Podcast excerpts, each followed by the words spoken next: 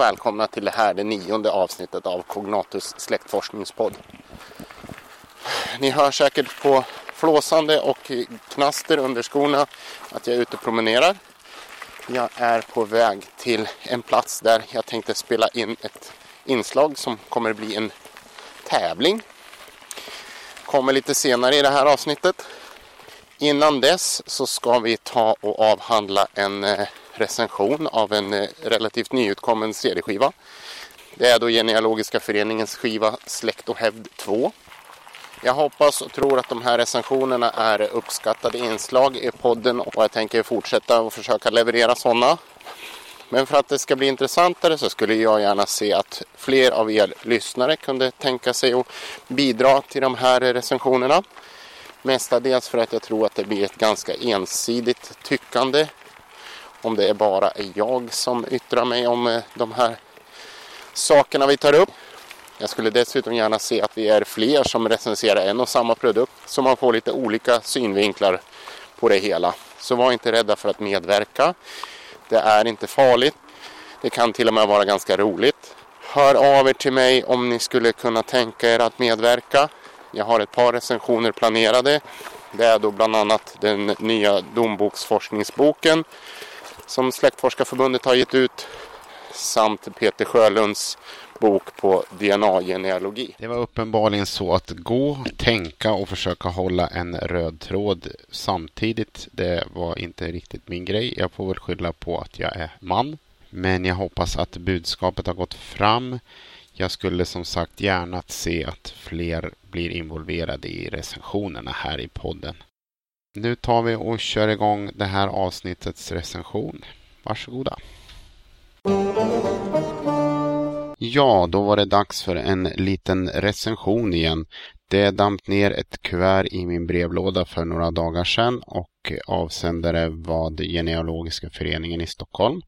De har skickat mig deras nya skiva som heter Släkt och hävd 2. Det är en skiva som innehåller alla släkt och hävd från 1950 till 2009 samt även Genealogiska föreningens medlemsblad som kom ut från 1934 till 1949. Genealogiska föreningen har i sin produktportfölj sedan tidigare ett antal skivor med ett äldre nummer av släkt och hävd. De är indelade efter vilket decennium de har getts ut. Det är då 50 till 59, 60 till 69 och så vidare fram till 90 till 99. Men nu har man alltså samlat ihop alla de samt lagt till 2000-talet plus GFs medlemsblad som sagt. Och det här säljer man då till ett eh, mycket förmånligt pris skulle jag vilja hävda om man jämför med vad eh, de enskilda andra skivorna kostar. Man tar 500 kronor för skivan om man är medlem och eh, icke-medlemmar betalar 600 kronor. Men vad är då släkt och hävd och varför skulle man köpa den här skivan? Ja, Släkt och hävd är då som sagt en tidskrift som ges ut av Genealogiska föreningen och har så skett sedan 1950. Den utkommer med fyra nummer om året. Det är en tidskrift som håller väldigt hög kvalitet på sina artiklar. Och många av de som har skrivit artiklar i Släkt och hävd genom åren får väl anses tillhöra de allra främsta genealogerna i det här riket. Varför är det då bra att ha en sån här skiva? För det första så innehåller det ju en förfärlig massa artiklar. Enligt uppgifter på Genealogiska föreningens hemsida så är det då 12 655 sidor indexerade. Det är ett försvarligt antal sidor och de här 12 655 sidorna är fördelade över 154 pdf-filer. Om man eh, läser genealogiska artiklar så är det inte helt ovanligt att man ser referenser till gamla nummer av släkt och hävd. Och det händer titt som tätt att man vill gå tillbaks och titta närmare på en sån här artikel. Och då är det ju fruktansvärt praktiskt att ha alla dessa artiklar samlade på en och samma skiva. Sen är det ju så att eftersom det är så pass hög kvalitet på de här artiklarna på den här skivan så innehåller de väldigt mycket källhänvisningar. Så man kan få bra ledtrådar vidare från de artiklar som man går tillbaks och kikar på till nytt spännande material eller till andra artiklar eller referensverk. Så det är ingen tvekan om att innehållet på skivan är värdefullt. Nu tänkte jag kika lite närmare på de funktioner som man har lagt på i och med det här släppet.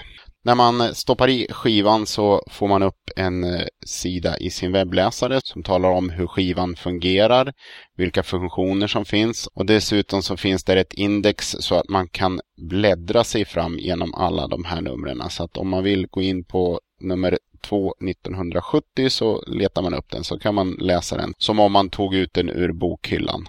Men eftersom man har läst in och indexerat varenda sida av de här 12 655 så kan man ju söka på ett väldigt smidigt sätt. Och eh, man får upp en liten sökruta samtidigt som den här webbsidan poppar upp. Och eh, jag kan väl ge mig på att prova och söka på något sökord. Vi kan skriva Eksjö. Det är en ort som ligger mig varmt om hjärtat så trycker jag, nej jag väntar, jag trycker inte än. Det står att jag ska söka på endast hela ord och eh, gemener versaler är ibockat. Och jag söker hela indexet. Så trycker jag på sök. Så tar det väl en liten stund här för att det är ganska mycket data. CD-spelaren börjar snurra. Tjoff, tjoff, tjoff. Oj, här rasslar det framträffar. Och där såg det ut att vara färdigt. 82 dokument med 380 förekomster. Och vad jag förstår så är då träffarna viktade så att den mesta och den bästa träffen kommer överst. Så om jag då tittar i Släkt och hävd 1964 nummer 3 så finns det en faslig massa sökträffar på Eksjö. Vi tar och gör en ny sökning. Ska vi prova på någon adelsätt? Vi drar till med Gyllengrip. Tjoff, 13 dokument med 20 förekomster. Vi gör en ny sökning. Vi söker på Bure. Och efter några sekunder nu så har jag fått 44 dokument och 143 förekomster. Jag kan söka på, jag söker på Stagnelius. Sex dokument, sex förekomster. Ja, som ni hör, jag sitter här och hittar på namn och vad jag än söker på så dyker det upp träffar. Och det går fort att söka. Jag ska då ta och testa och se hur det ser ut om jag klickar mig vidare från ett av de här sökresultaten. Jag klickar på ett nummer som har presenterats och sen klickar jag på sidan och då så öppnas Adobe Acrobat upp och jag har tidskriften framför mig. Och alla sökträffar är markerade. Och sen så kan man söka inom varje nummer med hjälp av Adobes inbyggda sökfunktioner. Det här är oerhört smidigt. Om man kikar vidare på själva skivan så har man även lagt med ett äldre index gjort i FileMaker Pro. Jag kan väl tycka att det nästan är en smula överflödigt eftersom det finns så pass bra sökfunktioner i Adobe. Och det här indexet fungerar enbart på PC, inte på Mac och Linux. Mitt slutgiltiga omdöme får bli att det här är en skiva som varje seriös släktforskare och genealog bör ha i sin samling. Man spar en oerhörd massa tid och energi på att ha all den här litteraturen samlad på en skiva så lättillgänglig. Om man nu skulle vilja inhandla den här skivan så kan man göra det med hjälp av den information som finns på Genealogiska föreningens hemsida genealogi.net så var det då dags för den tävling som jag utlyste i början av programmet. Det finns eh, fina priser att vinna. Arkiv Digital har varit generösa och givit mig två stycken priser att dela ut. Mer om det i inslaget så vi kör väl igång tävlingen nu och jag låter min lilla promenad fortsätta mot målet. Så där, då var jag framme på den här platsen där jag tänkte spela in tävlingsinslaget. Tävlingen går ut på att ni ska lista ut på vad det är för slags plats jag befinner mig. Det är då inte en geografisk plats så att det är ett svar som eh, Säffle eller eh, Södertörn eller Korpilombolo är fel. Det kan jag säga redan nu. Det handlar om vilken, vilken typ av ställe jag är på. Vad det är för slags plats. Det finns ganska många sådana här platser runt om i Sverige. Det har eh, en eh, klar koppling till släktforskning. Som ni hör så knallar jag omkring på grus. Om jag tittar mig omkring så ser jag en större byggnad.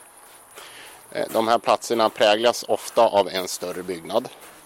Och så är det så att i omgivningen kring den här byggnaden så finns det någonting som har då koppling till, till vårt intresse. Platsen är oftast ganska gammal. Det finns en hel del saker på, på den här platsen som påminner om människor. De här sakerna behöver i regel omvårdnad. Det är så att man betalar en avgift för att få ha de här sakerna på den här platsen. Om du nu har lyckats lista ut på vilken sorts plats jag befinner mig så har du möjligheten att vinna ett enmånadsabonnemang på Arkiv Digital. Men vi tar och gör det lite knepigare. Nu så går jag ner till en avlägsen del på det här området. Här så har man radat upp saker. Saker som kanske inte har någon förvaltare kan man väl säga. Sådana här ställen finns det ibland på dessa platser. Kan vara i ett hörn eller vid sidan av, kanske utanför det här området. Eh, den här platsen där man eh, samlar eller staplar eller eh, förvarar de här sakerna har ett lite finare namn på latin. Är det så att du vet vad det här latinska namnet är, då har du chans att vinna ett tre månaders abonnemang på Arkiv Digital.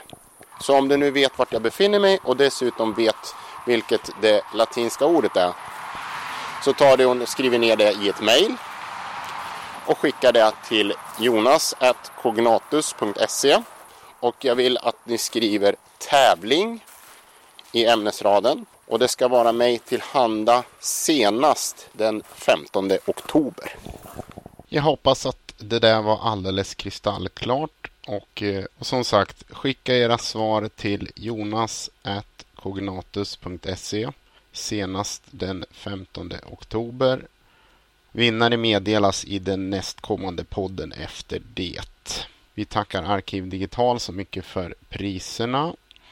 Och med det här så säger jag tack och hej för den här gången. På återhörande.